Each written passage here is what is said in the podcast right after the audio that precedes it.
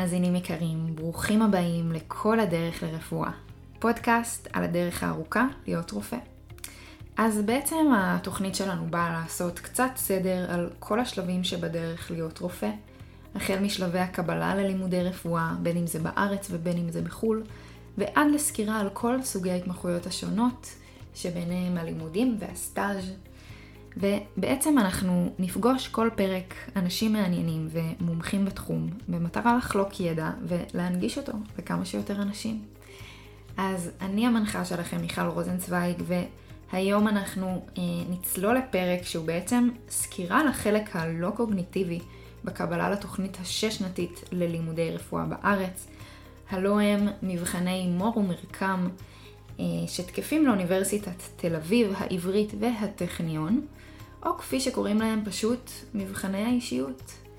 אה, אלו מבחנים שבעצם מועמד זכאי לגשת אליהם במידה והוא עבר סכם ראשוני של לפחות אחת מהאוניברסיטאות, אה, כשכל אוניברסיטה בעצם אה, מחליטה על הסכם הראשוני הזה בנפרד בשבילה. אז ככה, יש לנו היום אורח מיוחד שיבוא לסקור איתנו את התחום הזה. אז ברוכים הבאים ואנחנו מתחילים.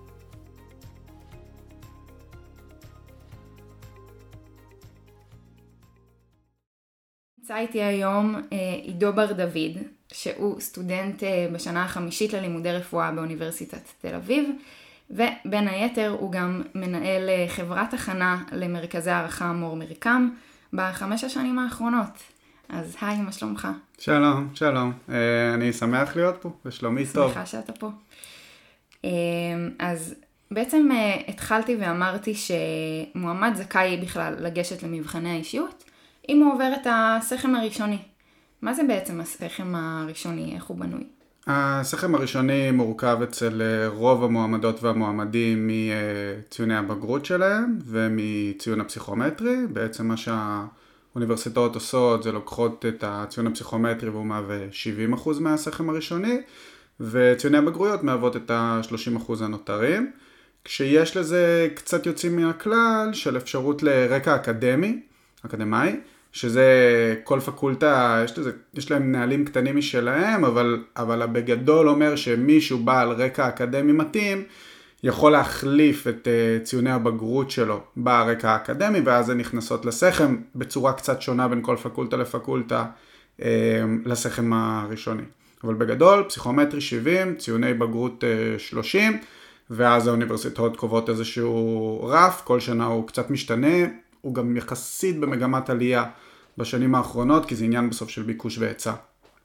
הבנתי, זאת אומרת, האופן הרגיל שבדרך כלל אה, מועמד מתקבל אה, על פי סכם ראשוני, זה 70 על הציון של הפסיכומטרי ו-30 על הבגרויות. ו- והיוצא מן הכלל, מה זה? זה רקע אקדמאי, יכול להיות חלקי, מלא? כן, זה, זה משתנה. בתל אביב זה, זה מלא זה בטוח יכול להיות, מן הסתם מישהו עם, עם תואר אה, יכול להתבסס על ציוני התואר שלו ולהחליף את ה... את ציוני הבגרות את ציוני בעצם. הבגרות, כן. זה, זה משתנה בין הפקולטות, זה כל פקולטה שווה, מי שבאמת רוצה לבדוק את זה, שווה להיכנס ממש לאתרים mm-hmm. של הפקולטות, יש כל מיני תוכניות.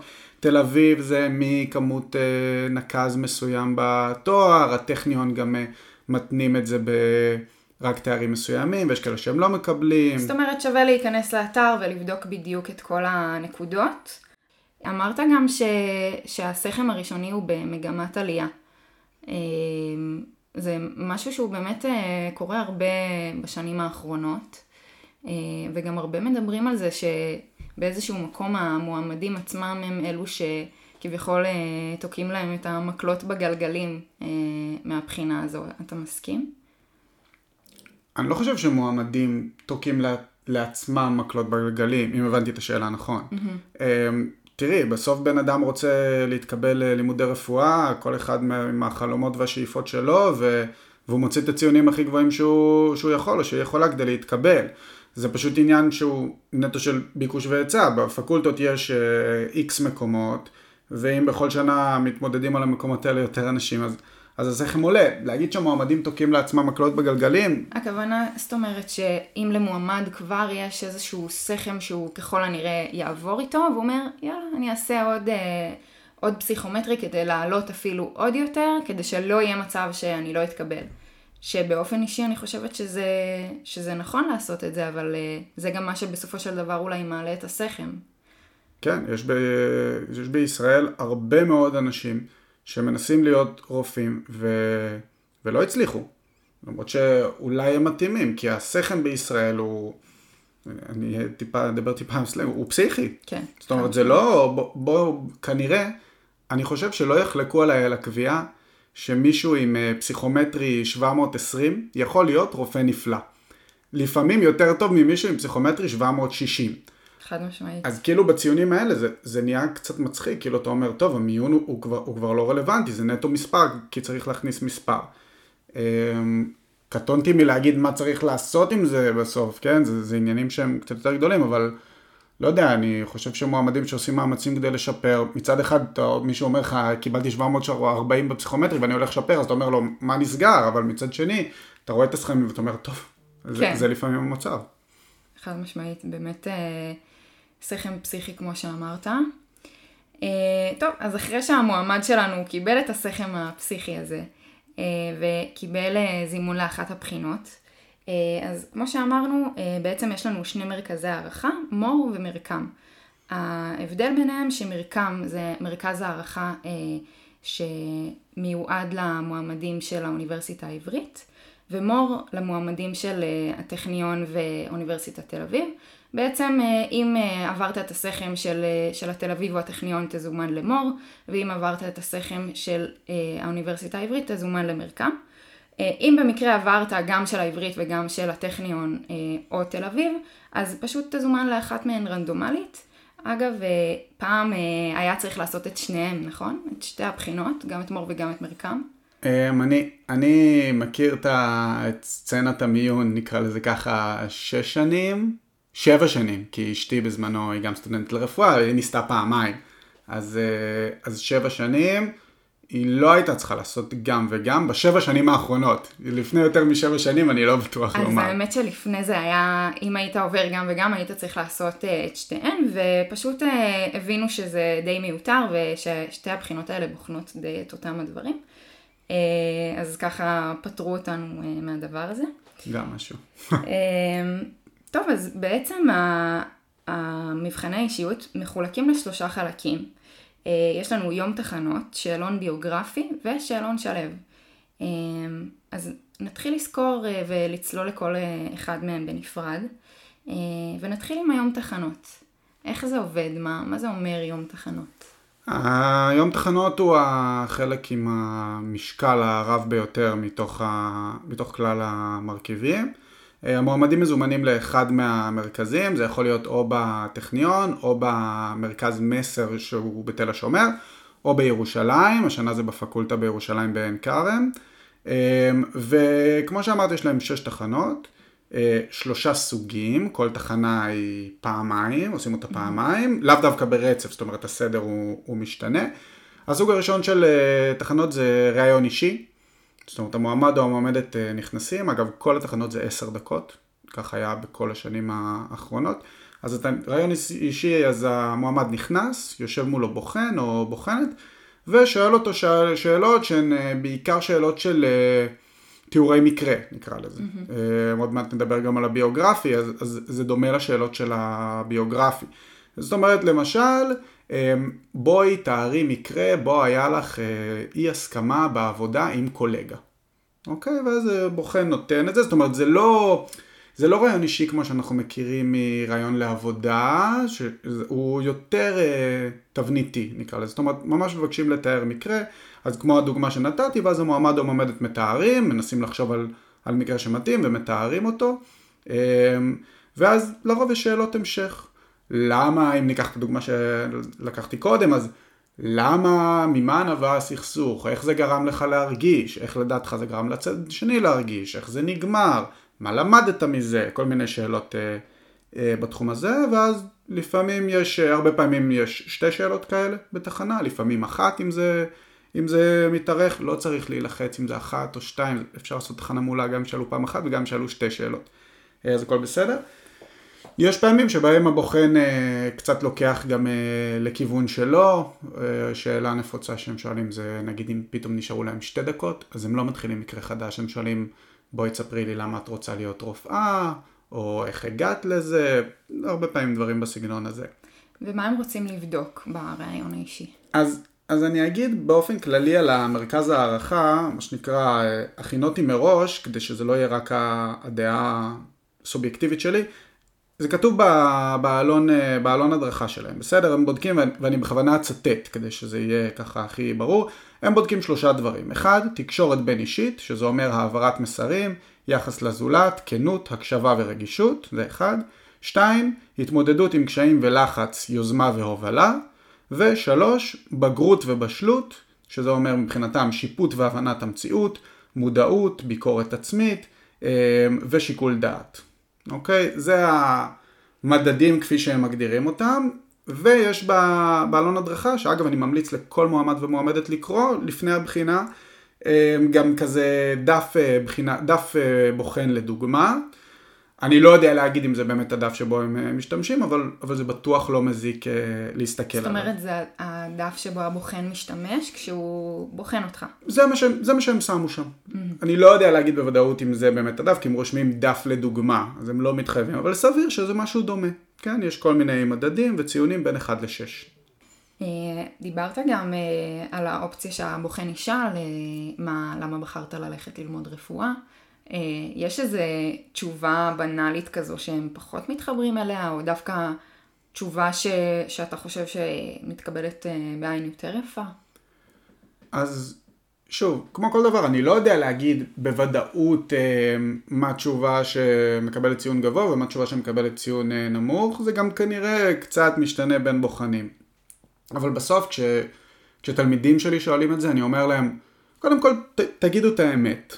תגידו כאילו למה אתם רוצים רפואה, אבל לדעתי, הרבה פעמים, אה, מה שנקרא, להיסחף פה לקלישאות ורגשנות יתר כמו, זה החלום שלי מגיל שלוש, ואני חייב להצליח כי אם לא, אני לא יודע מה אני אעשה בחיים, ש, שזה יכול להיות נכון, אני לא שופט את הר, חלילה את הרגשות של אנשים, אבל כשבוחן מקבל כזה דבר מצד שני, לד... מהצד השני לדעתי זה יכול להעיד על משהו קיצוני, זאת אומרת, אפשר להגיד, זה החלום שלי מגיל חמש וזה מה שאני רוצה לעשות מגיל חמש, אבל אז גם רגע לבסס את זה, אוקיי, חשבתי שזה מעניין אותי מגיל מאוד צעיר, הלכתי, חקרתי, למדתי, עשיתי, או יש סצנה של הרבה חבר'ה שהתחברו לרפואה בצבא, מכל מיני תפקידים, אז הייתי חובש, התחברתי, היה איזה אירוע שמאוד אה, ככה עשה לי את זה, אז, אז אני חושב שתשובה טובה היא, היא להגיד את האמת, אבל לבסס את זה על, על דברים שעשית, ולא רק על איזה תחושות ורגשות שהם לבד, בלי ביסוס, יכולים להיתפס כקצת אה, אמוציונליים, mm-hmm. גרדה, בלי מעשים שנלווים לכך. הבנתי. אז בעצם אה, דיברנו על היום תחנות ועל הראיון, שכמו שאמרנו, אה, יש פעמיים את התחנה הזו. כל uh, תחנה כזו היא עשר דקות. ואיזה עוד מרכיבים יש לנו ביום תחנות? אז, אז המרכיב הבא, ושוב אני מזכיר, הסדר הוא, הוא רנדומלי, אני, אני מדבר כרונולוגית שלי נוח, אבל זה יכול להיות בכל סדר שהוא. Uh, זה תחנה של דילמה אתית, אוקיי? איזושהי דילמה אתית מתחום הרפואה. זה לא חייב להיות דילמה של רופא, אבל זה כן איפשהו קשור ל, לרפואה. ניתן uh, סתם דוגמה, uh, זה דווקא כן עם uh, רופאה. את אה, רופאת משפחה, מגיע אלייך מטופל בן 96, אה, שלאחרונה חש אה, הידרדרות קלה והחליט לסיים את חייו בשוויץ. Mm-hmm. לסיים את חייו מבחירה, והוא בא להתייעץ איתך. אוקיי, אז זה דוגמה לדילמה אתית, כמובן שיש מגוון רחב של דוגמאות, ואני ממליץ אגב, גם פה יש רשימת דוגמאות ומטלות באתר של המרכז הארצי, אז שווה מאוד לקרוא ולהחכים, לא בקטע של כי זה מה שיהיה בבחינה, אלא אבל זה יהיה בסגנון דומה. אה, אז, אז דוגמה כמו שנתתי, זה מופיע מחוץ לדלת, זאת אומרת קוראים את זה לפני התחנה, ואז נכנסים וגם פה יש שיחה עם אה, בוחן או בוחנת, שבה הבוחן או הבוחנת דנים עם המועמד או מועמדת על הדילמה. Mm-hmm. ואז לרוב השאלות הראשונות זה כלליות, מה אתה חושב, מה היית עושה, איך היית פועל וכולי. ואז צוללים לשאלות המשך. ששאלות ההמשך גם כאן הן אה, משתנות, גם בהתאם למה מועמד אומר שהוא היה עושה, גם בהתאם למה שהבוחן חשוב לו לדעת, אבל, אבל גם כאן, זאת אומרת, אפשר לדמיין לעצמכם כנראה מה שאלות ההמשך, זאת אומרת, אוקיי, בחרת דרך פעולה, למה בחרת בה, עם מה זה מתנגש לך, ואז פה יש גם הרבה פעמים תוספת מידע לסיטואציה, זאת אומרת, בחרת משהו, אז הבוחן נותן לך איזשהו מידע שנותן לך קונטרה, נגיד אם בחרתי, ניקח את הדוגמה של המטופל, להגיד לו שאני חושב מכך וכך וכך סיבות שאולי שווה לו לחכות עם ההחלטה וכולי וכולי, אז מוסיפים לי מידע ואומרים לי, אה, לאחרונה הוא לא סיפר לך, אבל הוא גם גילה שיש לו התחלה של אה, מחלה סופנית. ואז אני אומר, אוקיי, רגע, אז, אז, ואז אני ממשיך את הדילמה משם, אני יכול לשנות את דעתי, אני יכול לדבוק בדעתי, אבל אלה שני סוגי השאלות. אחד, שאלות המשך שיורדות לעומק ההחלטה שלי, ושתיים, שאלות המשך שמוסיפות לי מידע ככה ואני צריך להתמודד איתו. מידע שלא היה לי על הדף בחוץ. אז זו שאלת דילמה אתית. ואחר כך, איזה עוד תחנה נשארה לנו? תחנה האחרונה, שנקרא best for last, אמ, זה הסימולציה עם שחקן, וזה מה שלא כולם, אבל, אבל הרבה מהמועמדים מרגישים שהיא מאתגרת עבורם. אמ, אני אספר מהי ואז אני אסביר למה, מאיפה האתגר. זאת אומרת, זאת, גם כאן, כמו בדילמה האתית, יש איזשהו דף מחוץ לדלת של התחנה עם איזושהי סיטואציה.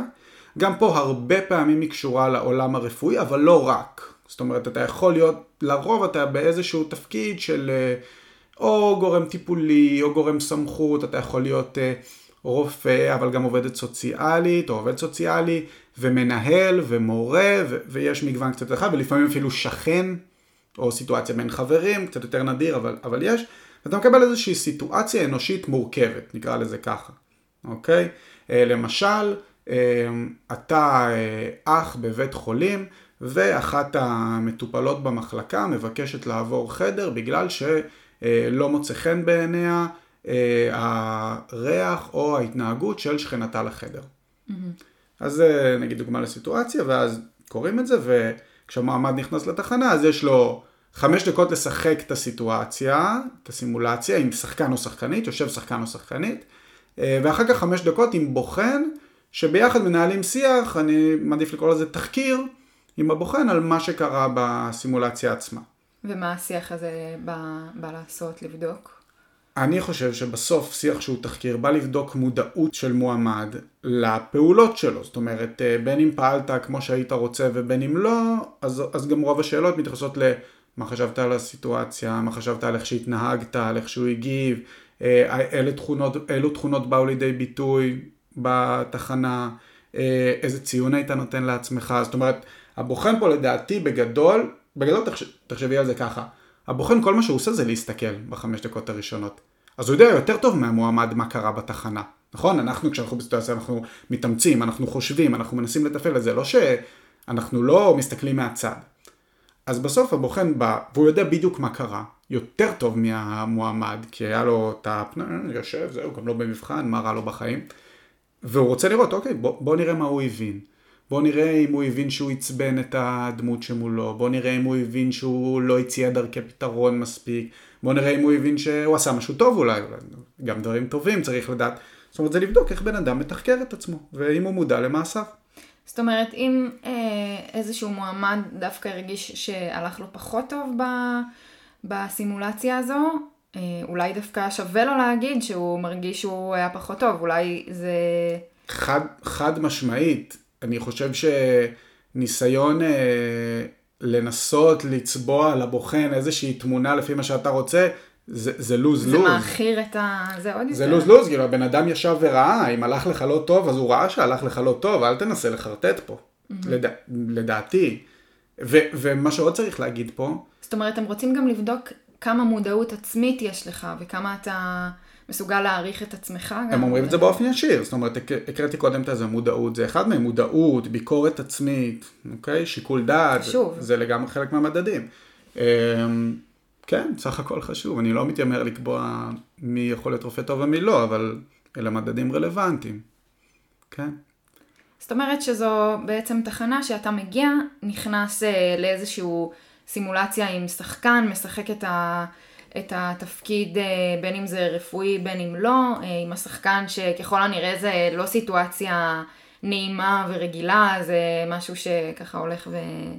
ונהיה יותר אה, קשה, מאתגר, אולי אתה צריך לעמוד שם בפני איזה שהן דילמות. ובסופו של דבר לתחקר את עצמך ו- ולענות על השאלות של הבוחן. אני רוצה לחזור להתחלה, אמרתי ש... שזאת לדעתי התחנה שהרבה מועמדים היא מאתגרת אותם, ובסוף, כי בשני סוגי התחנות האחרים שאמרנו, זה אתה יושב מול בוחן ואומר לו מה שאתה חושב. ופה מבקשים מאיתנו להיכנס לדמות שהיא לא אנחנו. אני לא עובד סוציאלי ואני לא אח בבית חולים, אלא אם כן במקרה זה המקצוע שלי, אבל, אבל לרוב הדמות שנשחק זה לא דמות, זה לאו דווקא דמות או סיטואציה שקרתה לנו. אז מועמדים אומרים, ובצדק, תשמע, הייתי צריך פה גם לחשוב על מה אני צריך לעשות ואיך לנהל את הסיטואציה, וגם להיכנס לאיזשהו משחק, ואם אני לא שחקן, ו- ובצדק, זה לא שאני הולך עכשיו לסייג את הקושי הזה. ומה ו- אתה אומר להם? אני אומר להם שאני, שאני חושב שמה שצריך לעבוד עליו זה לא על המשחק. זאת אומרת, מי שלא היה שחקן ב- בבית לסין אה, לפני חודש, לא יהפוך לשחקן אחרי חודש. אז אני אומר להם שצריך לתרגל. אבל לתרגל את התחנה כ- כמשהו שאנחנו רוצים להיות יותר טובים בו, אבל לא בקטע של אה, לתרגל מניירות של משחק ואיך להוציא רגשות ואיזה הבעות, אלא רגע לתרגל איך אני מנהל סיטואציה רגשית מורכבת בזמן קצר. זאת אומרת, זאת התחנה שלדעתי מכולן, לרוב המועמדים, לא לכולם, היא הכי דורשת תרגול, כי הרי מה מועמדים אומרים? זה לא טבעי לי. אז מה אנחנו עושים כדי שמשהו יהיה טבעי לנו? מתרגלים אותו. וגם הרבה פעמים אומרים לי, אני ממש לא אוהב לעשות את זה, אז אני אומר להם, בסדר, מה לעשות, אלה החיים, אני, לא, לא אני ולא שאר המועמדים בחרנו את הבחינה, אבל זאת הבחינה עכשיו, זה, זה המבחן שיש. אתה יכול עד מחר להגיד, זה קשה לי, זה לא טבעי לי, אבל, אבל זאת הבחינה. אז צריך לתרגל כדי להפוך את זה ל... לא נגיד טבעי לחלוטין, אבל... אבל בסופו של דבר, אני חושבת שהם לא בוחנים איזה שחקן אתה, זאת אומרת, הם בוחנים אילו, איזה פעולות אתה בוחר לעשות, אה, אומנם בתור דמות של אח או עובדת סוציאלית, אבל אה, כאילו הם לא בוחנים, אה, כמו שאמרת, כמה אתה מביע רגשות, ואם אתה, אה, לא, כאילו... אז, אז התשובה האינסטינקטיבית היא שאת צודקת. כנראה שלא, מה שנבחן זה לא יכולות המשחק. אבל בסוף כשמישהו מרגיש טבעי בסיטואציה מסוימת, אמ, אז, אז ברור שהוא גם יותר עצמו, והוא אומר את מה שהוא באמת חושב. וגם אם זה לא ה... מה שכתוב לבוחן בדף לתת עליו ציון, אין מה לעשות. כשבן אדם משדר ביטחון, כשבן אדם משדר שהוא נינוח, זה עושה אפקט על הצד השני. הבוחן הוא לא מכונה, כן. הוא, הוא בן אדם. ברור שאם אני נכנס ו, ומחייך בהתחלה ושואל את השחקן, או בכל תכנה אגב, גם תכנות אחרות, מה שלמה, אז אני משרה אווירה הרבה יותר נינוחה מאשר אם אני נכנס ואני קצת טכנוקרטי ו, ואומר מילים שאני אולי מתכוון אליהם, אבל, אבל זה לא זורם לי טבעי. אז זה בדיוק מחזיר אותי למה שאמרתי קודם, אפשר להגיד כמה שרוצים, זה לא טבעי לי, אני לא רוצה, אני לא אוהב, אבל, אבל אם לא לפחות, אם מי שלא מרגיש בנוח בסיטואציה, מאוד קשה לו להביא את עצמו. אז בעצם עברנו על, אה, על שלושת החלקים אה, של היום אה, תחנות, ובעצם באותו היום, וככה באותו המקום, מתקיים גם שאלון שלו. שאלון שלו זה שאלון שנכנס ככה ממש לאחרונה, בשנת המיון 2021. אמ, שלו הכוונה זה שאלון להשמה ומיון. אז מה זה המבחן הזה שככה נכנס לאחרונה? אוקיי, okay, אז, אז ככה, השלב הוא, הוא נכנס, כפי שאמרת, אני, אני לא אחזור, זה לא המצאה של ה... בניגוד לתחנות של המרכז הערכה שדיברנו, שאין כן איזשהו פורמט שהוא, שהוא הומצא, לא יודע להגיד אם הומצא, אבל, אבל הוא קיים בארץ והם חשבו עליו והגו אותו, שלו זה לא ייחודי לרפואה, זאת אומרת זה שאלון מוכר, הוא מתבסס על, איזושהי, על איזשהו מאמר, על איזושהי גישה שנקראת Big uh, Five, Big Five זה חמש תכונות, אני אקריא גם, לקחתי את זה גם מה, מהאתר של המרכז הארצי, שזה, הוא מתבסס על מוחצנ... בחינה של מוחצנות, נועם הליכות, הליכות, מצפוניות, יציבות רגשית ופתיחות מחשבתית. עכשיו אלה חמש התכונות שנבחנות בשלב. עכשיו מה הקטע? השלב משמש לכל מיני מיונים, זאת אומרת הרבה גופים יכולים להשתמש בו. אפשר להשתמש בו בצבא, אפשר להשתמש בו בחברות הייטק, ב-you name it. כל מיון יכול לצורך העניין להשתמש בשלב. אבל מה הקטע? החמש תכונות שאמרתי זה לא 20 אחוז, 20 אחוז, 20 אחוז, 20 אחוז, 20 אחוז. זאת אומרת הגוף הרלוונטי שהזמין, פה זה המרכז הארצי המיונים לרפואה, לוקח את חמש התכונות האלה. בוחר איזשהו תמהיל שמבחינתו הוא, זה מה שהוא רוצה למיון, ולפי התמהיל הזה ניתן הציון. עכשיו איך הבחינה עצמה נראית? יושב המועמד או המועמדת מול, אה, מול מחשב, יש לו כל פעם אה, שני היגדים על המסך, בואו ניתן דוגמה, היגד אחד, אמ, אני לא אוהב שמשקרים לי, והיגד שני, אמ, אני תופס מעצמי אדם אה, נוח ונעים. ואז המועמד צריך אה, לבחור לאיזה משפט הוא יותר מתחבר או מה יותר מאפיין אותו. ברור שיהיו משפטים שבהם יהיה משפט אחד שאנחנו נגיד אוקיי יאללה זה מאפיין אותי יותר בוודאות אבל יהיו גם זוגות משפטים שנגיד אוקיי שניהם ממש לא מאפיינים אותי או שניהם מאוד מאפיינים אותי ועדיין צריך לבחור. ועל סמך ההיגדים שבוחרים יש 120 אה, שאלות בשלב בסך הכל, 120 צמדים בסך הכל מונפק ציון בהתאם לתמהיל תכונות שהמרכז הארצי פה אה, בחר להשתמש בהם. ובעצם אלו היגדים, אה, זאת אומרת זה ספציפית היגדים שנבחרו למועמדים לרפואה, אני מבינה, זה לא איזה היגדים כלליים. למיטב הבנתי לא. אין אה. פה אה, אני אהיה רופא מסוג ככה וככה. לא, הכוונה היא שהתחלת ואמרת ששאלון שלב זה שאלון כללי. אז השאלה אם אה, השאלות עוברות אדפטציה. ההיגדים הם דומים, יכולים mm-hmm. להיות היגדים דומים גם במבחן שלב שגוף אחר מעביר. הציון שניתן לך על מה שאתה בוחר הוא שונה בהתאם לתמהיל של ה Big Five של התכונות הבנתי. האלה שנבחרו למיון. הבנתי. זאת אומרת הם שומרים פחות או יותר על אותם היגדים. אה, אותו ז'אנר, לא יודע, אני מניח שיש להם בנק די גדול, אבל הז'אנר הוא דומה. הבנתי. ובעצם אה, שאלון שלו הוא שאלון יחסי, אפשר לקרוא לו? כל הציונים, אה, כל הציונים במיון האישיותי, איך הם ניתנים, מועמד בסוף מקבל איזשהו ציון גולמי, זה הציון שלך, אוקיי? נגיד במרכז הערכה איזשהו ציון בין, בין 150 ל-250, ואז הציון הזה נלקח ומחושב באופן יחסי לשאר. זאת אומרת, הציון שאנחנו... שהמועמדים יראו במידע האישי או באתר של המרכז הארצי שישלח עליהם, הוא ציון יחסי. Mm-hmm. אוקיי? Okay, לפי, לפי התפלגות, כמו שאנחנו מכירים מהפסיכומטרי. גם הפסיכומטרי הוא ציון זאת יחסי. זאת אומרת, אה, בין 150 אה, ל-250 אתה תקבל ציון שהוא יחסי. נכון. לצורך העניין, אם קיבלתי 200, אז אני הציון הממוצע. אם קיבלתי מתחת ל-200, מתחת לממוצע, מעל. הבנתי. אז בעצם אה, הציון הזה, כמו שאמרנו, מורכב מהיום תחנות, שאלון שלו והשאלון הביוגרפי. אה, כשהשאלון הביוגרפי הוא מתקיים ביום אחר, במועד אחר משני ה... שתי התחנות הקודמות.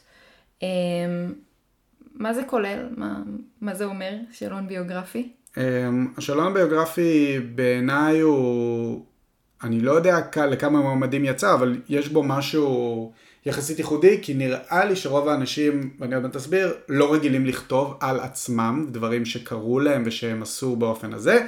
איך הוא נראה השאלון הביוגרפי? השאלון הביוגרפי לפי המרכז הארצי, אוקיי? יש בו בין אה, 10 ל-15 שאלות. בפועל, בשבע השנים האחרונות, היו בו תמיד בדיוק 13 שאלות.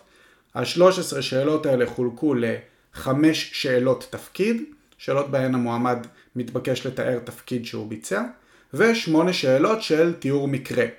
שזה, אם אתם אה, זוכרים, זוכרים אה, מתחילת הפוד, אז הרעיון האישי במרכז הערכה, אז זה תוכן יחסית דומה. תאר מקרה בו, בוא ניקח עוד דוגמה, תאר מקרה בו פגעת באדם קרוב.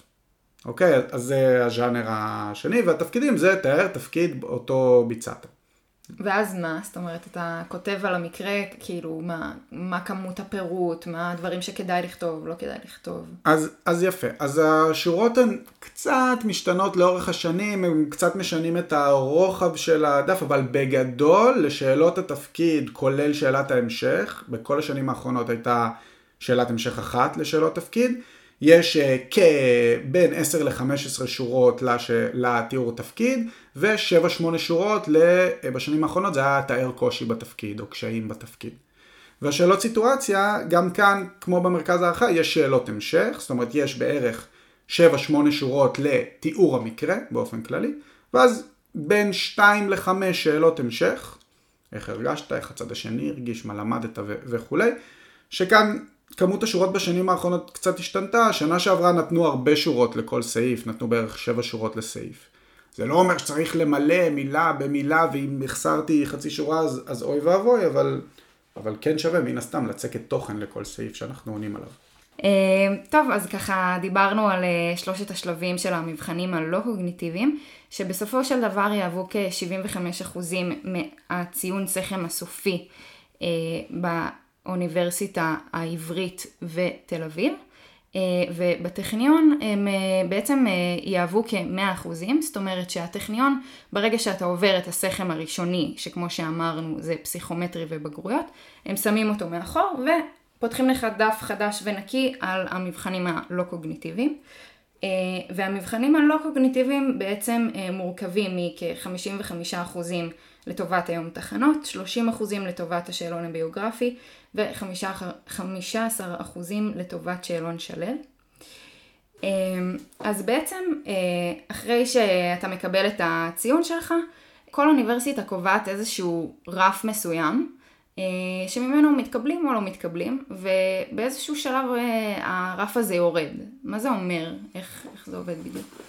כל, כל, כל אוניברסיטה קובעת uh, רף, איך שמציינים את זה, זה, זה טיפה שונה, אבל, אבל זה לא משנה, זאת אומרת, אתה פשוט רואה באזור האישי, אזור המידע האישי בפקולטה, מה הרף ומה הסכם מעבר ומה הסכם uh, שלך, ויש באמת הסכם הראשוני. עכשיו, זה יורד מסיבה מאוד פשוטה. יש לך אנשים שמתקבלים ליותר מפקולטה אחת, ואז הם צריכים לבחור בין הפקולטות. עכשיו, ברגע שמישהו אה, לצורך העניין יתקבל אה, גם לירושלים וגם לתל אביב, נגיד הוא בחר ירושלים, ואז הוא מודיע, בשאיפה, מודיע לתל אביב, שחבר'ה, אני לא רוצה לבוא לכם, אז זה מקום שלא התפנה. ואז ברגע שהמקום שלא התפנה, אז לוקחים את הבא בתור שהוא הכי טוב אחריו, ואז הסכם כל פעם יורד. עכשיו, הם לא רוצים לעשות את זה כל פעם בהודעה, היי, אתה התקבלת, היי, אתה התקבלת, אז הם מגדירים כל כמה זמן, הם מורידים את הסכם, ואז כל מי שיש לו, כל מי שעשה את המבחנים יכול להסתכל ולראות את העדכון. אמ, עכשיו, לפעמים יש הרבה מועמדים שזה ממש יכול להיות מתסכל עבורם, יש כאלה שגם מקבלים את ההודעת קבלה שבוע לתוך הלימודים. וואו. מעטים, מעטים, צריך להגיד, הרוב מקבלים לפני. מה זאת אומרת, איך זה יכול לעבוד? יש לך מישהו שלא הודיע לפקולטה, ורק ביום השני ללימודים הם גילו שהוא לא... זה, שהוא הלך לפקולטה אחרת, או ש... אה, קיבלו איקס אה, מועמדים ויש להם מקום לעוד אחד עוד שניים, אז, אז, אז מכניסים. אה, אז... פתאום נפתחו עוד מקומות בשאיפה. זהו, אז, אז אני לא יודע להגיד בדיוק, זה גם תלוי בכמה הקצאות יש להם לכל מחזור וכולי, אבל זה בעיקר נובע מזה שיש מועמדים שמתקבלים ליותר מפקולטה אחת ואז הם צריכים לבחור. Mm-hmm. אז ככה דיברנו על כל המבחני אישיות. זה מבחנים שהם לא, לא ככה באים ברגל, זה לא משהו שאתה עושה ביום יום. אתה חושב שצריך להתכונן אליהם? אני אחלק את התשובה שלי לשתיים, ברשותך. ש... כי, כי אני עונה הרבה על השאלה הזאת, ו... והיא מחולקת ל... לשתיים לדעתי, אה, כי לרוב מי ששואל את מה ששאלת, שואל אחרי זה האם לדעתי צריך הכנה. אז קודם כל, אמרת גם בהתחלה, אני, יש לי, יש לי הכנה, ברור ש... כאילו מי ששומע אותנו, תיקחו, ת, תיקחו את זה בשיקול, ברור שהאובייקטיביות שלי היא לא מלאה, אם אני עושה הכנה, מן הסתם אני חושב שהיא אה, טובה. אבל, לשאלתך, האם צריך להתכונן אליהם? אז אני אשאל אותך אה, שאלת נגד. האם אי פעם בחייך עמדת לפני מבחן גדול ומשמעותי אה, ובחרת לא להתכונן אליו? האמת שאני ספציפית לא, אבל אה, אני קצת חנונית בדברים האלה. אוקיי, סבבה. אז, אז זה די דומה, זאת אומרת, בסוף נכון, זה לא אה, אה, מבחן שהוא של שינון, וזה לא מבחן של לימוד נוסחאות, וזה לא כימיה ולא פיזיקה ולא וואטאבר. אבל גם רעיון עבודה זה לא. ואנשים מתכוננים לרעיונות עבודה, נכון? אתה, בוא ניקח אה, עולמות אחרים, אה, עכשיו אה, מתמחים לעריכת דין, אה, אה, לא מתמחים, סטודנטים לעריכת דין מחפשים התמחות, הם מתכוננים לרעיונות אצל החברות, נכון? אה, זאת אומרת, אפשר לתת פה עוד... אה, עוד מיליון דוגמאות, אבל האם אני חושב שצריך להתכונן למבחן? כן, צריך. בסוף יש פה סיטואציה של בחינה, שאנחנו, כפי שאמרת, רובנו המוחלט, לא עשינו משהו אה, לפעמים אפילו לא דומה, אבל בטח לא זהה בעבר. ואפשר להתכונן לזה. כמה להתכונן, עם מי, הכנה או לא, זה, זה כבר אה, נושא אחר, אבל להתכונן למבחן, בטח. עכשיו, מה הטיעון המרכזי של אנשים ש, שלדעתם לא צריך להתכונן, וזו זכותם, אני רוצה לבוא טבעי. אוקיי. Okay. עכשיו, אני אגיד על זה כזה דבר, אני אישית, ואני חושב שרוב האנשים גם, מרגיש שאני יכול להיות הרבה יותר טבעי כשאני מוכן ונינוח. חד משמעית. להתכונן זה לא אומר לשנן מילים, וזה לא אומר לשנן ציטוטים, וזה לא אומר להפוך לרובוט, זה אומר להכיר את הסיטואציה, לתרגל אותה, להבין איך נוח לי לעבוד, להגיע ליום עצמו כשאני מרגיש, וואלה, הבנתי הכי טוב שאני יכול את, ה, את המצב, ואז קל לי להביא את עצמי. אם אני בא ולא התכוננתי כי אני רוצה לבוא טבעי ולהיות הכי אותנטי כמו שאני, אז, אז דברים ב, ביום עצמו מפתיעים אותי, ואני צריך להסתגל נורא מהר, ואני צריך לאלתר, וכשאני מאלתר ואני בלחץ, דווקא אז אני, אני פחות עצמי. אוקיי? זה, זה, ולכן לדעתי כן, צריך להתכונן. כמו לכל מבחן גדול בחיים שלנו. אז זה באמת מוביל אותי לשאלה של איך, איך אה, לדעתך בוחרים את המכון הכנה, או, או אפילו אם זה אדם פרטי, אה, שהכי מתאים לי. זאת אומרת, אנשים קוראים את עצמם כדי להגיע לציון פסיכומטרי ולעבור את הסכם. סוף סוף מגיעים לציון המיוחל, וכמובן לא רוצים להגיע למצב שלא עוברים ומחכים עוד שנה. אז אתה יודע, רוצים לבוא ולבחור את המקום הכי טוב, איך, איך מגיעים לזה, איך יודעים לאן ללכת. אז אני אקח צעד אחד אחורה. קודם כל, לא, לא חייבים לבחור מכון הכנה או גוף מקצועי. יש הרבה אנשים שמתכוננים לבד, או עם מועמדים אחרים, או עם חברים אחרים, ואף על פי שעל פניו האינטרס שלי הוא להגיד ההפך, זה לגיטימי בעיניי. וכבר יצא לי לדבר עם מועמדים שהסבירו לי את המצב שלהם, ואמרתי להם, וואלה, לא בטוח שאתם צריכים הכנה. הרבה פעמים זה מועמדים שניגשים נגיד פעם שנייה ושלישית וכבר לעשו את המבחן כל כך הרבה שבא לך להגיד להם די, אז, אז תשחרר, אז תתכונן איך שאתה רוצה ואיך שנוח לך כדי שלא תרגיש שמישהו כופה עליך משהו. אז, אז לא חייבים הכנה, כן חייבים להתכונן, לא חייבים הכנה. אז הבחירה הראשונה זה האם אני רוצה הכנה או לא רוצה הכנה. מי שלא רוצה הכנה צריך לייצב לעצמו תשתית, תשתית לימודים, להכיר את הבחינה, ללמוד איתה, לבדוק עם איזה אנשים כן נוח לו לתרגל. אני אגב, כשהייתי מועמד, היה הרבה פחות אפשרויות הכנה ממה שיש היום, היום השוק אה, רחב הרבה יותר, יש לזה יתרונות וחסרונות, אבל זה המצב. אה, וההכנות שהיו אז אה, פחות התאימו לי, פחות אני התחברתי, אבל היה לי, לשמחתי, היה לי את אשתי, שהייתה אז שנה ראשונה ברפואה ועברה את המבחן לפניי, והיה לי חבר מאוד טוב ש... אומנם התקבל ולמד בבאר שבע, אבל עשה גם את המסר שנה לפני וקיבל ציון מאוד גבוה. אז היה לי שני אנשים שאני סומך עליהם שהם מכירים את הבחינה ושאני מרגיש בנוח לתרגל איתם גם בהיבט שהם יעשו איתי תרגול טוב שהוא מבחינה מקצועית טוב וגם לא יחסכו ממני ביקורת. אז זה למי שבוחר אה, לא להתכונן עם אה, הכנה. זאת אומרת אם אתם לא מתכוננים תעשו את זה כמו שצריך. זאת אומרת תתכוננו לבד אבל, אבל עם תשתית אה, טובה. מי שכן בוחר הכנה תראי, אני אגיד בכנות, אני לא יודע מה הכנות אחרות עושות. אני לא בודק את זה, אמ, זה, זה לא מעניין אותי, זאת אומרת, זה לא משהו שאני משווה את עצמי אל מולו.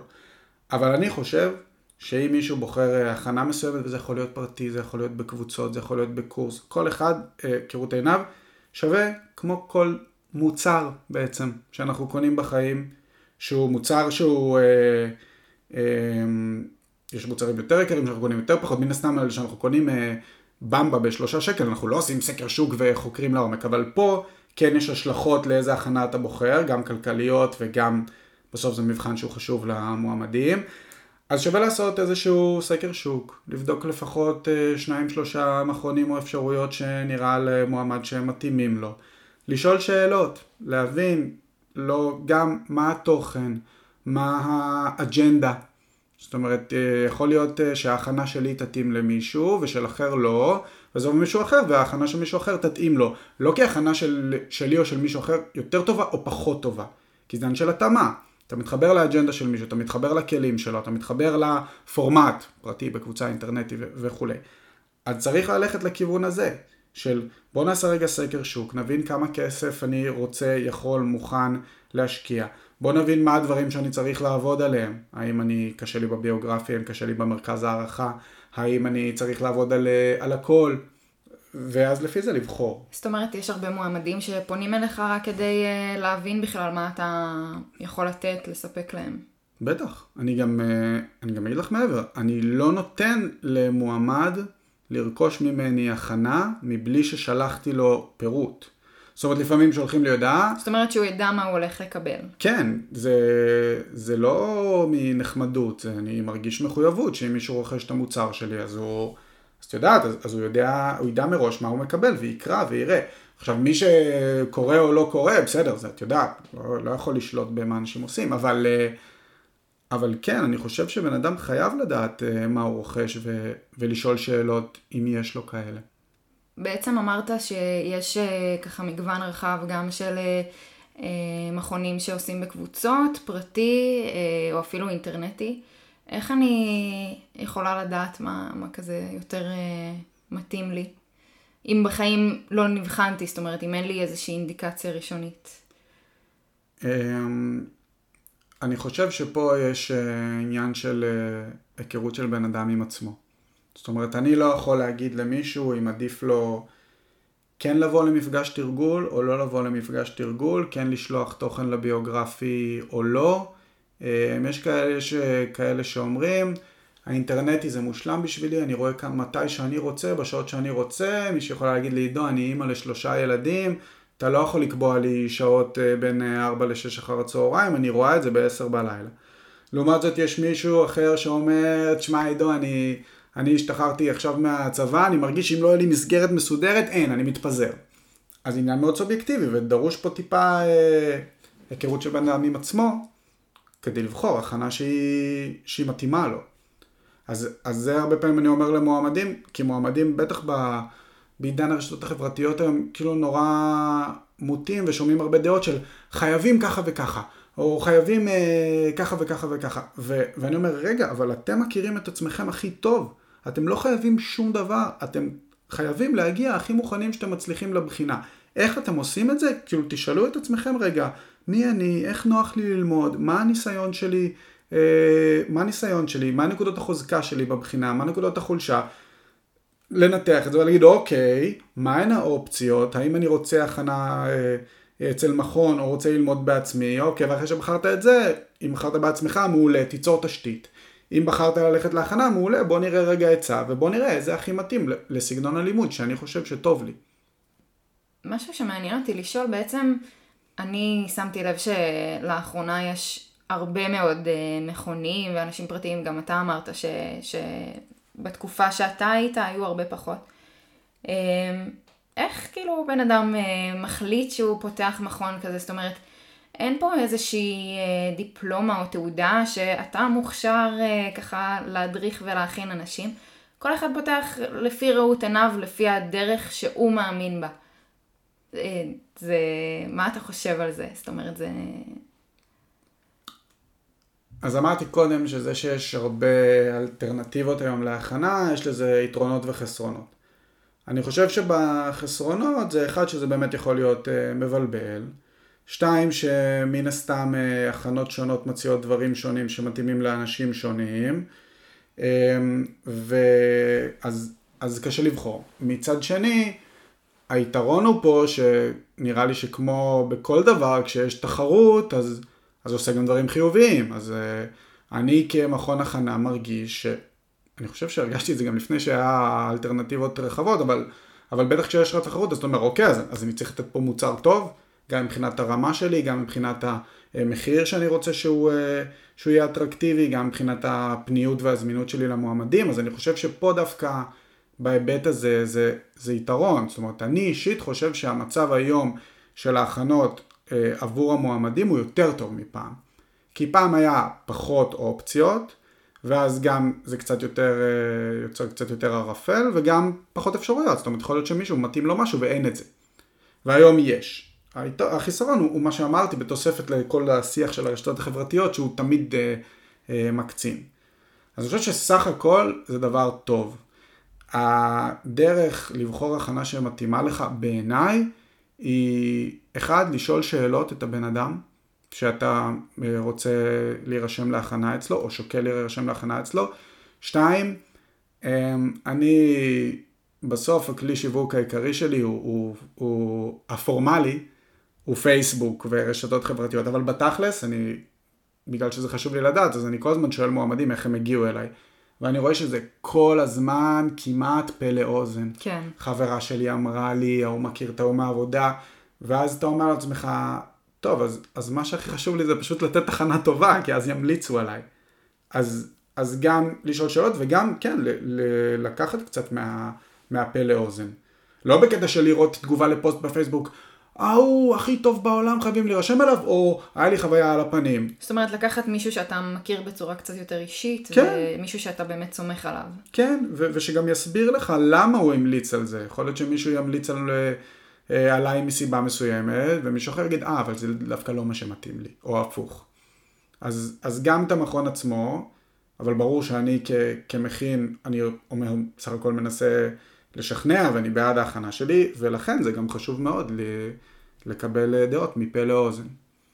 וכמה זמן מראש, לדעתך, צריך להתכונן למבחנים האלה? אמ, שאלה טריקית, אני יודע שיש אנשים שחולקים גם על התשובה שאני אגיד, אבל אני חושב שרוב המועמדים הלא מוחלט, אבל כמעט מוחלט, לא צריך יותר מחודשיים של הכנה לבחינה, וזה גם לא חודשיים של אה, הסתגרות בבית. חודשיים שבהם אתם, המועמד מנהל את חייו האישיים וגם מתכונן לבחינה. ו... מה זה כולל? שעתיים ביום? שעה ביום? אז, אז זהו, אז, אז אני חושב שזה בממוצע לא צריך להיות הרבה יותר מזה, זאת אומרת אפשר אה, להגיד אוקיי, לרכז את זה לאיזה יומיים וזהו, אבל, אבל כן, הכמות שאמרתי היא די סבירה בעיניי, זאת אומרת שעה, שעתיים ביום למשך בין חודש לחודשיים, עבור רוב המועמדים, אני לא רוצה להכליל. אמ, זה, זה זמן ממש בסדר להתכונן. עכשיו אני, זאת שאלה ממש חשובה בעיניי, כי, כי כל הזמן יש איזה לחץ כזה של, כי הרי את מי אנחנו שומעים? את מי שכבר התחיל להתכונן ואת מי ששואל, נכון? זה כמו שבתיכון או באוניברסיטה יש את הראשון ששואל שאלה שקשורה למבחן ואז הוא מלחיץ את כולם, אז, אז קצת גם uh, ככה פה. ו, ובעיניי, זה לאו ד... לא צריך להילחץ מזה. לרוב המועמדים בין... אני בכוונה אפתח סקאלה רחבה, בין חודש לחודשיים וחצי זה ממש בסדר, ואני אומר את זה בכוונה כי אני יודע שיש הרבה מועמדות ומועמדים שמחכים לסכם, והסכם לרוב לא מגיע יותר מחודשיים אה, לפני הבחינה, לרוב פחות, ואז הם עושים לי, רגע, אבל לא התחלתי להתכונן, מה אני צריך לעשות? ואני צריך לחרוש עכשיו איזה, אני אומר, לא, תעצור, תחשוב, תקרא על הבחינה, תבין איך אתה רוצה להתכונן, תפרוס לך את זה יפה לאורך ה... חודש, חודשיים ש, שנשארו לך לבחינה ותיגש בניחותא. זה ממש חשוב להתכונן לבחינה הזאת, לא מתוך איזו תחושת לחץ ודחיפות ולהספיק לקרוא את כל החומר, כי אין כל החומר לקרוא, אלא לעשות איזשהו, איזשהו, אה, איזושהי תוכנית לימודים הדרגתית, שאני מבין מה המוקדים שאני רוצה לשפר, שאני בונה לעצמי את התכנים לביוגרפי שאני, שאני רוצה שיהיו לי מוכנים, ו... ואני חושב שאולי אחד המסרים הכי חשובים שהייתי רוצה להעביר בזה זה איזושהי צפירת הרגעה. אנשים למדו חודש, חודשיים לבחינה והוציאו ציונים פיקס. האם מישהו מחליט ללמוד יותר כי יש לו שכל משנה קודמת וזה, והוא רוצה ללמוד יותר זמן? האם זה בסדר? כן, זה בסדר בעיניי. אבל יש לזה גם downside. זאת אומרת, אני ראיתי הרבה, הרבה מועמדים שלומדים במשך הרבה זמן, ואז אתה בא ו- ואני מתרגל איתם נגיד תחנות וזה, ו- ואתה רואה שזה כבר uh, well done. כן. שזה כבר משהו נורא נורא עשוי, ושהוא כבר איבד את ה... מונוטוני כזה אולי. לא יודע, אני לא יודע להגיד אם, אם מונוטוני, אבל אתה מרגיש שזה, אה, שזה תשובות שהן אה, מוכנות מראש. ולפעמים זה פיקס וזה בסדר, אבל לפעמים אתה אומר, רגע, אבל מה אתה באמת חושב? מה, איך אתה באמת רוצה להציג? ולדעתי לפעמים הכנה ארוכה זה, זה החיסרון שלה. זה, זה אגב הסיבה גם שאני לא, אני תמיד מתחיל הרשמה בינואר, הרשמה, אבל את הקורס עצמו ואת האקטים, את השיעורי זום, את מפגשי התרגול, את המשאב הגיאוגרפי, אני לא מתחיל עד אחרי פסח, כי אני, זו דעתי, בסדר, אמרתי, יש כאלה שיחלקו עליי, אבל ככה אני חושב שראוי להתכונן. בסוף, הרבה אנשים אה, לפעמים אה, מגדירים את עצמם, ששואלים אותם מה הם עושים, אז אומרים אני מועמד לרפואה. שזה בסדר אם זה בא מאיזה מקום כזה של זה מה שאני רוצה לעשות, אבל אם זה בא ממקום שזה שואב את כל החיים שלך לשם, אז אני חושב שפה במבחני אישיות זה ממש המקום לאזן את זה. אם בפסיכומטרי אני, קשה לי להתווכח עם מישהו שאומר אני חייב לחרוש כדי להצליח, פה אני אומר רגע, עצור, תעשה לעצמך איזושהי תוכנית לימודים שהיא נוחה לך, שהיא יושבת טוב עם החיים שלך, תבחר כמה זמן ו- ולך עם זה. זו דעתי, לפחות. ואתה חושב שאפשר להשתפר בבחינה הזו? זאת אומרת, אם קיבלת ציון שהוא לא מהטובים ושנה אחרי זה ממש להפציץ, זה משהו שאפשרי? אמ, זאת שאלה גם ש, ששואלים אותי לא מעט. התשובה האינסטינקטיבית שלי היא כן, אפשר. האם אני אה, אומר לתלמידים שלי כל מיני משפטים בקשון של אה, אם רק תאמינו או ברור שאתה יכול להוציא 240 עם אה, זה? לא, לא תמיד. אני חושב שלכל מועמד יש איזושהי תקרה שהוא מסוגל להגיע אליה ולרוב, דווקא בגלל שזה מבחן שהוא לא קוגניטיבי, היא כן גמישה. אבל ברור שמי שנגיד פחות מנוסה ב... אה, בין אישיים, בין אם הוא לא עשה תפקידים שדומים לזה, או מי שקצת קשה לו ולא עבר הרבה רעיונות ו- ומיונים. אז כן זה דורש ממנו קצת יותר מאמץ. האם אפשר לשפר בין, שנים, בין, אה, בין השנים? כן, אפשר לשפר. אני יכול להגיד לך גם שרוב האנשים, לא כולם, אבל הרבה מאוד אנשים כשהם ניגשים פעם שנייה ולפעמים שלישית, משפרים. חלק קצת, חלק יותר, חלק גם לא. אבל כן, בטח שאפשר לשפר, ואפשר לשפר גם בהרבה מאוד. האם uh, זה מספיק uh, מה שאמרתי עכשיו כדי שמישהו יגיד, הנה אני ניגש פעם שנייה אני אשפר? לא. אבל האם זה אפשרי? כן, ואני ראיתי כבר שיפורים בקצה של 60 נקודות בין וואו. שנה לשנה. בכוונה, אני אומר את הקצה, כן, ברור שזה לא מייצג, אבל, אבל כן, זו בחינה שאפשר להשתפר בה, וזה רק, ואני, ואני אומר את זה גם כדי לחזק את הטענה הקודמת שלי, שאפשר להתכונן אליה, לא באופן מדעי, אבל, אבל כן בצורה מקצועית בעיניי.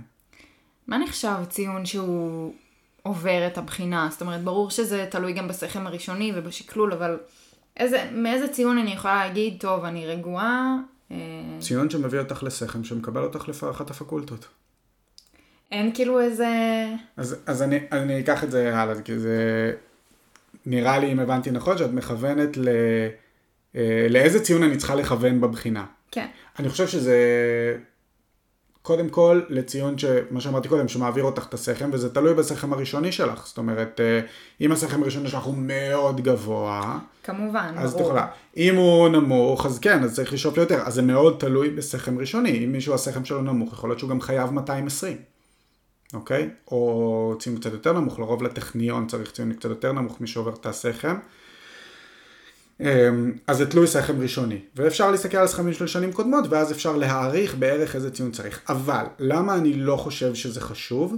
כי לדעתי, אם מישהו מגדיר לעצמו, אני מכוון ל-230, או אני מכוון ל-210, האם זה ישנה את איך שהוא יהיה בבחינה? לא נראה לי. זאת אומרת, אה, בוא נבדיל את זה מ... אם אני צריך להוציא באיזה מבחן באוניברסיטה 75, ויש לי תקופה נורא לחוצה, אז אני אומר, אוקיי, בסדר, אני אכוון ל-80-85 הפעם. פה זה לא, זה לא משנה. ברור, כי זה אישיותי. כן, אז, אז יש פה עניין של אין מה לכוון לציון, לציון מסוים. זאת אומרת, אין לי מה להגיד, אני מכוון ל-230. אין, אין לזה אפקט. זאת אומרת... אולי זה יכול להרגיע מישהו שהוא אומר, טוב, אני, נגיד יש לי סכם ראשוני מאוד גבוה, אז אני לא חייב את הציון הכי הכי גבוה במבחנים האישיותיים, אבל זה לא משהו ש... שאתה אומר אה, שצריך אה, להתכונן אליו או להתכוונן אליו באיזשהו אופן? לא, אני, אני חושב שלא. אני חושב שאין מה לכוון או להתכוונן לציון מסוים. ברור שזה טוב לדעת, וואלה, זה הציון שאני צריך. אני לא אומר פה בוא נחיה בהפי-הפי ומה שיהיה יהיה. אבל אני אומר שזה לא אמור לשנות או להכתיב את הדרך בה בן אדם מתכונן. נגיד אם מישהו צריך ציון, משמעית, כן. נגיד אם מישהו צריך ציון ממש גבוה, אני לא אגיד לו תחרוש ימים ולילות. אני אייעץ בהקשרי של איך ללמוד וכמה ללמוד, בצורה סובייקטיבית פר בן אדם, אבל בלי קשר לאיזה ציון הוא צריך. ותגיד, איך בכלל הגעת לתחום הזה של ההדרכה ולפתוח אה, בכלל מכון הכנה? אמ, הדרכה זה בגדול מבחינתי, כששואלים אותי מה המקצוע שלי, אז, אז אני עוד לא רופא, אני אהיה עוד uh, כמה שנים, אבל המקצוע שלי הוא מדריך. זאת אומרת, זה זה מה שאני עושה בגדול מ-2014. זאת אומרת, הייתי מדריך ב... אה, בחיל האוויר בצבא, אני עדיין, גם במילואים, והייתי ב... אה, אני עדיין ממיין לעוד יחידה מובחרת בצבא במילואים, וזה היה ככה הרקע ההדרכתי שלי, אה, שהייתי מדריך בשירות קבע. ואחרי זה, לא יודע, אני, אני נורא אוהב את זה, זאת אומרת, אני אוהב את ה... ללמד, את הלהעביר תוכן, את השיח עם, אה, עם אנשים, אז, אז אחרי שהשתחררתי, גם העבודות שעבדתי עד המכון הכנה, אז הייתי מדריך פסיכומטרי, ועבדתי בחברה שהתעסקה בפיתוח חשיבה יצירתית אצל ילדים, ואז גם נתנו לי ככה לכתוב תוכן, ו, וזה פיתח אותי, הייתי קצת מורה במכללת ברושים, מרצה במכללת ברושים. אז, אז זה ממש המקצוע שלי, זאת אומרת, זה לא שפתחתי מכון ולמדתי להדריך, אלא... אתה ממש חי את זה, את העולם ההדרכה. זה מה שאני עושה. זאת אומרת, בשנים האחרונות אני רק, אני עובד רק במכון הכנה שלי, אבל, אבל זה הרקע המקצועי שלי. אני, בוא נגיד, אם הייתי צריך עכשיו לצאת לשוק אה, לחפש עבודה, זה, זה התחום שבו הייתי מחפש עבודה, בהדרכה ומיון. אמ, ו, ואיך התחלנו את, ה, את המכון, את Ready for More, אז לא קראו לזה Ready for More פעם. אמ, אני חושב שאחרי שהתקבלתי, אז אה, אשתי אה, זרקה לי כזה, נראה לי שהכנו אותך טוב לבחינה, אני חושבת שאנחנו יכולים להכין ככה גם מועמדים אחרים. ואני לא צריך יותר מזה כדי להדליק אותי בדברים שקשורים להדרכה, אז אמרתי לה, מעולה, נעשה קורס ונכין, איזה עשה לי, מה, מה אתה קופץ שקט, בוא נראה אם יש לנו מישהו שבכלל ירצה ללמוד איתנו. ואז פרסמנו ממש בקטנה, בשנה הראשונה שלנו, זה היה, השנה אנחנו שנה חמישית עושים, שנה הראשונה שלנו היו לנו, אני מניח, עשרה תלמידים פרטיים, העברנו להם שיעורים ככה במטבח, אה, דנה העבירה על החלק הביוגרפי, ואני העברתי למרכז הערכה. אה, היינו נורא מופתעים שיש לנו עשרה תלמידים, כאילו אמרנו, טוב, יהיה שניים, שלושה, יהיה נחמד, אמרנו, אה, יש לנו עשרה, והיינו נורא, אה, זה, כן. אז, אז זה היה השנה הראשונה שלנו, ושנה אחרי זה דנה אשתי הייתה בהיריון עם הבת שלנו, עם עלמה, והיא נולדה באפריל, שזה ממש השיא של המיונים וזה. אה, אז פניתי לגיא ואמיר, שהם חברים טובים שלי קודם כל, אה, אבל גם מדריכים מעולים ועם רקע מתאים, וצירפתי אותם כשותפים, ועשינו כזה מפגשים קבוצתיים בבית של, של גיא ואמיר. וזו הייתה השנה השנייה. ומהשנה השלישית אנחנו כבר בפורמט הנוכחי, כי זה הלך, זה הלך טוב. שמה. זה אומר הפורמט הנוכחי? הפורמט הנוכחי זה שנה שלישית כבר שאנחנו עושים אותו, זה שהבסיס זה שיש לנו קורס אינטרנטי.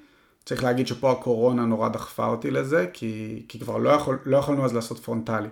שמה, זה סרטונים אה, מצולמים שלך כן, ושל כן, דנה? כן, צילמנו סרטונים, לקחנו את כל העקרונות שלנו, העברנו אותם לסרטונים קצרים, הוספנו לזה חומרי עזר.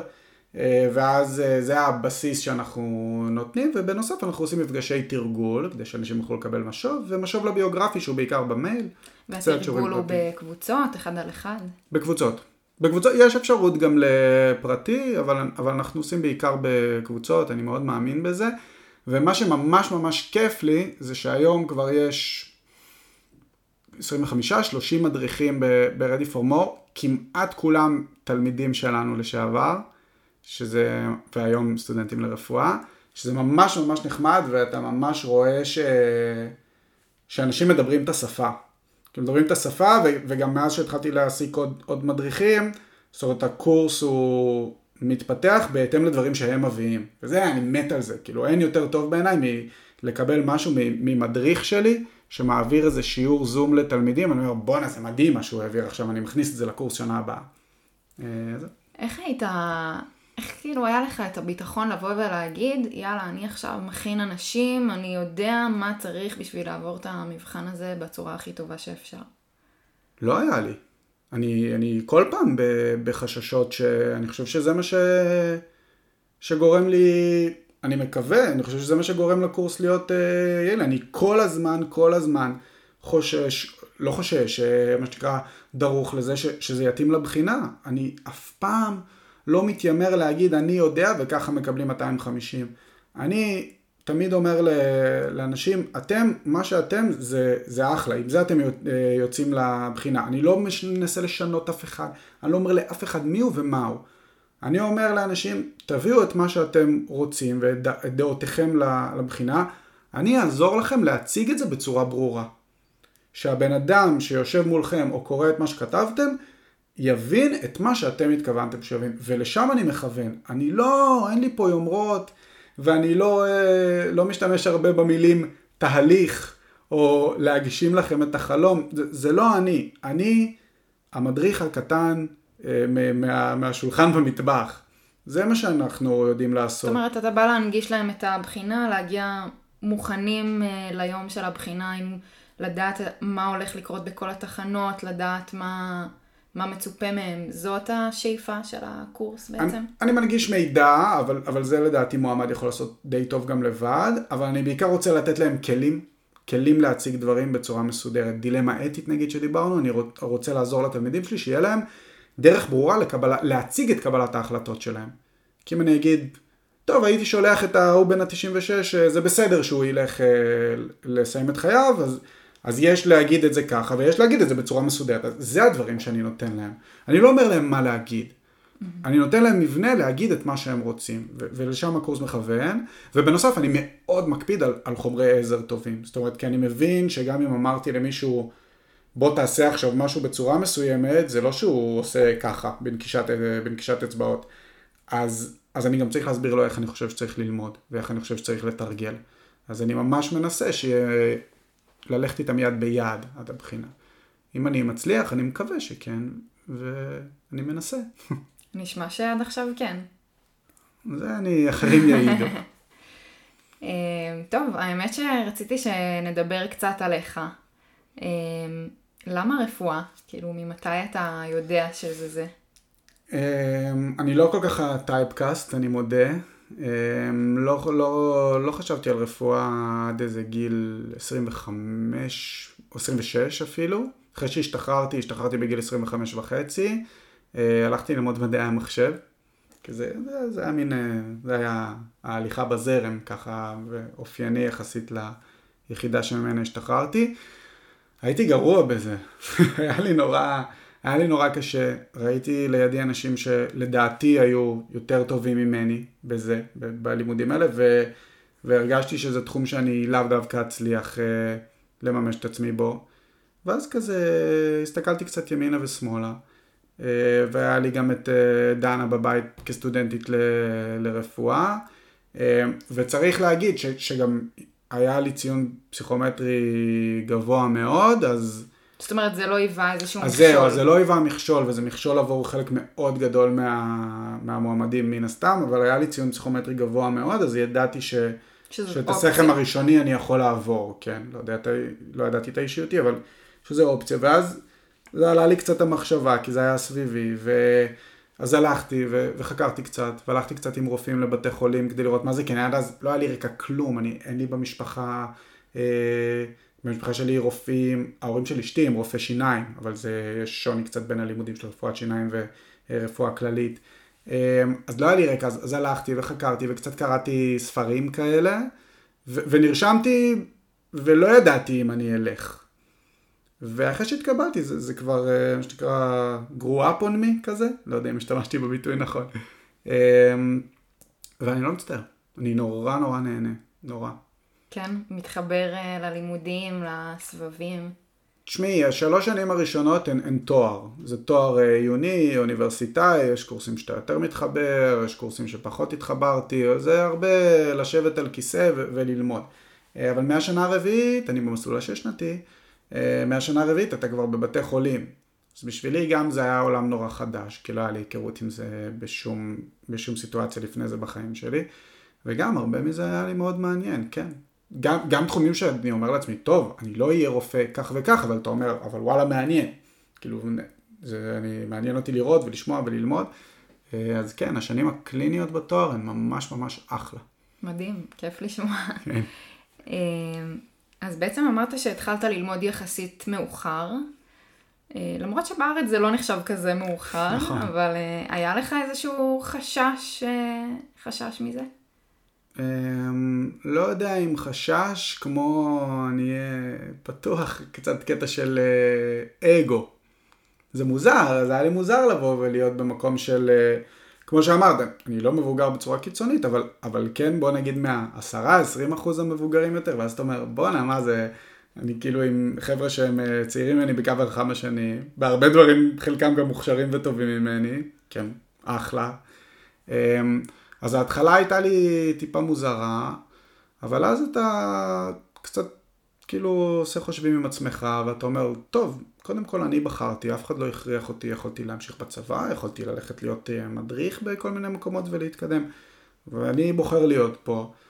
ודבר שני, לא יודע, מה זה משנה אם אני אהיה רופא בגיל 35 או 32 או 38 ואני אעשה את זה עד גיל 70, 67 או 74. רוצה להיות רופא כי, כי, כי זה מעניין אותי, אז... הלכת עם הלב שלך בדרך שלך, זאת אומרת, בלי להסתכל ימינה או שמאלה מה יגידו, מה, מה יחשבו עליי. אמ, תמיד אכפת לי קצת מה חושבים עליי.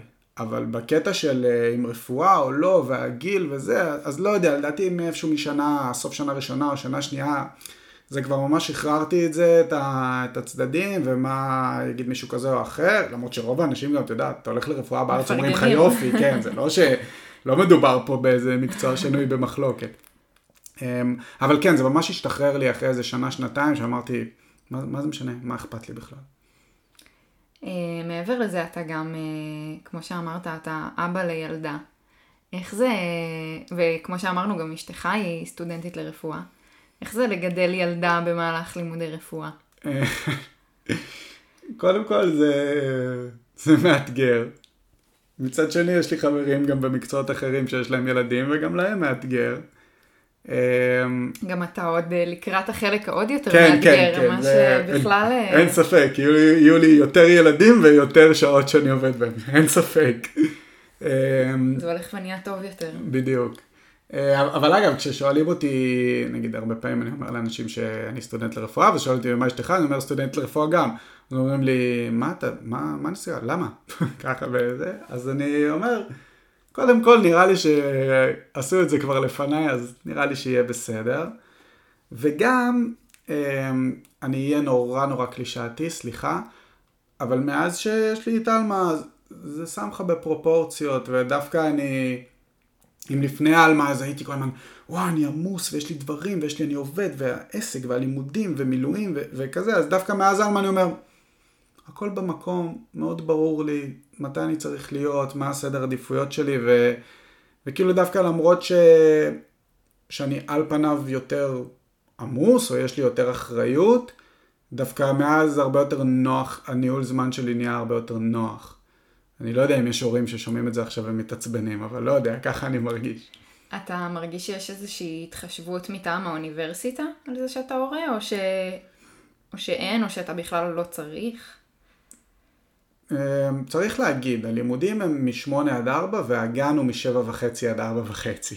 אז, אז לרוב זה, זה בסדר ומסתדרים.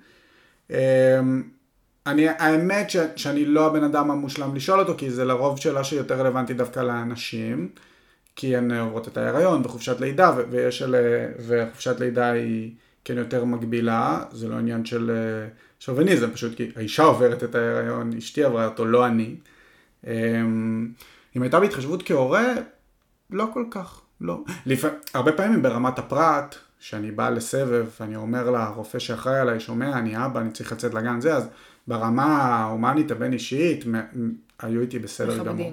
כן, והפקולטה, לפחות אה, להבנתי, וראיתי גם חברות של אשתי שילדו במהלך הלימודים כן מתגמשת, להגיד אם זה מושלם, לא יודע, אבל... אה, אבל uh, אפשר לחלוטין, הנה הנה יש לי מסר, מסר, אבל אפשר ממש להיות uh, הורים וסטודנטים לרפואה וזה uh, לא קל, אבל זה מסתדר וזה אחלה ו, וזה אפילו לדעתי תקופה ממש טובה לזוגות. uh, לעשות ילדים. בסוף גם בכל הטירוף הזה של להיות רופא, שזה ככה תהליך מאוד ארוך, באיזשהו שלב אנשים עושים אה, ילדים, זאת אומרת, יכול להיות שזה דווקא נכון, שלב יותר נוח. נכון, זה לא, אני לא חושב שזה, אני מודה שהאמת שאף פעם גם לי לא הייתה את הדילמה בין אה, להשהות חיי משפחה לעומת זה, זאת אומרת, אנחנו כן חושבים מתי נוח לנו ומתי מתאים לנו, כי אנחנו לא עכשיו חיים באיזה, לא אנחנו לא רוצים אה, שזה לא יסתנכרן לנו גם עם דברים שלנו, אבל ברגע שאתה מתכנן את זה כמו שצריך, לדעתי זה, זה ממש בסדר וזה משתלב יפה עם, ה, עם הלימודים. כן, זה אומר שצריך uh, להתפרנס תוך כדי ולגדל uh, ילדה או ילד, אבל כמו שאמרתי, עשו את זה לפניי ואני עושה את זה גם ויעשו את זה אחריי, ומשפחה זה חשוב. חד משמעית. Uh, אתה כבר יודע במה אתה הולך להתמחות? במה אתה רוצה? כן, אני כאילו אמרתי את זה להרבה אנשים בזמן האחרון, אז אני מקווה שאם אני אשנה את דעתי לא יתפסו לי במילים, כי אני בן אדם שמשנה את דעתו, כן, כי אני גם בן אדם שמשנה את דעתו על דברים. אמ, אבל אני כרגע, אם הייתי בוחר עכשיו, אז זה היה פסיכיאטריה. וואלה. כן, כן. למה? אמ, עשיתי את הסבב הקליני בפסיכיאטריה, גם לפניו חשבתי שזה תחום שמעניין אותי. אמ, עשיתי אותו במרפאה שנמצאת בבני ברק, מרפאת בארי נקראת, וזה פשוט היה הכי מעניין בפער עבורי, מכל הסבבים שעשיתי עד עכשיו, וההתנסות הקלינית הייתה לי נורא מעניינת, והעובדה שאתה, שהסשן הטיפולי הוא, הוא בדיבור, ושיש אופציה אחרי זה ל, ל, לעשות גם פסיכותרפיה, אה, בנוסף שזה משהו שהוא מאוד מאוד מעניין אותי, ו... לא יודע, נראה לי שלאור השיחה זה גם מתחבר לזה, זה מה שאני אוהב לעשות, אני אוהב לדבר עם אנשים, אני אוהב אה, אה, לנסות אה, להשפיע, לעזור, להעביר מסרים, אז, אז זה נראה לי שזה מתחבר יפה. מדהים, מעניין. טוב, אז אה, שאלה קבועה שלי בסוף כל פרק, איפה אתה בעוד עשר שנים? זה מצחיק, אם היו שואלים אותי את זה לפני עשר שנים, זה לא מה שהייתי אומר. אמ, נראה לי שאני... אבא שלי יהרוג אותי על התשובה הזאת, כי הוא חיפאי והוא רוצה שנחזור, אבל נראה לי שאני אהיה בתל אביב עדיין, ושכנראה יהיה לי בין שניים לארבעה ילדים, ונראה לי שאני כבר אהיה אחלה רופא במשהו שאני אוהב. יאללה, אמן. תודה. טוב, אז uh, תודה רבה לך.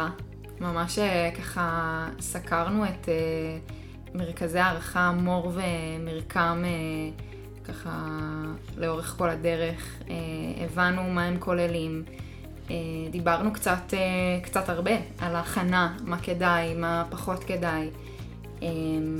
אז אני מקווה שהפרק הזה היה מועיל לכל מי שמתכנן ושואף להגיע לשלב של מבחני אישיות. אז שוב פעם, תודה רבה לך. תודה, היה לי כיף מאוד, תודה לך. גם לי, ותודה רבה לכם, ונתראה בפרק הבא.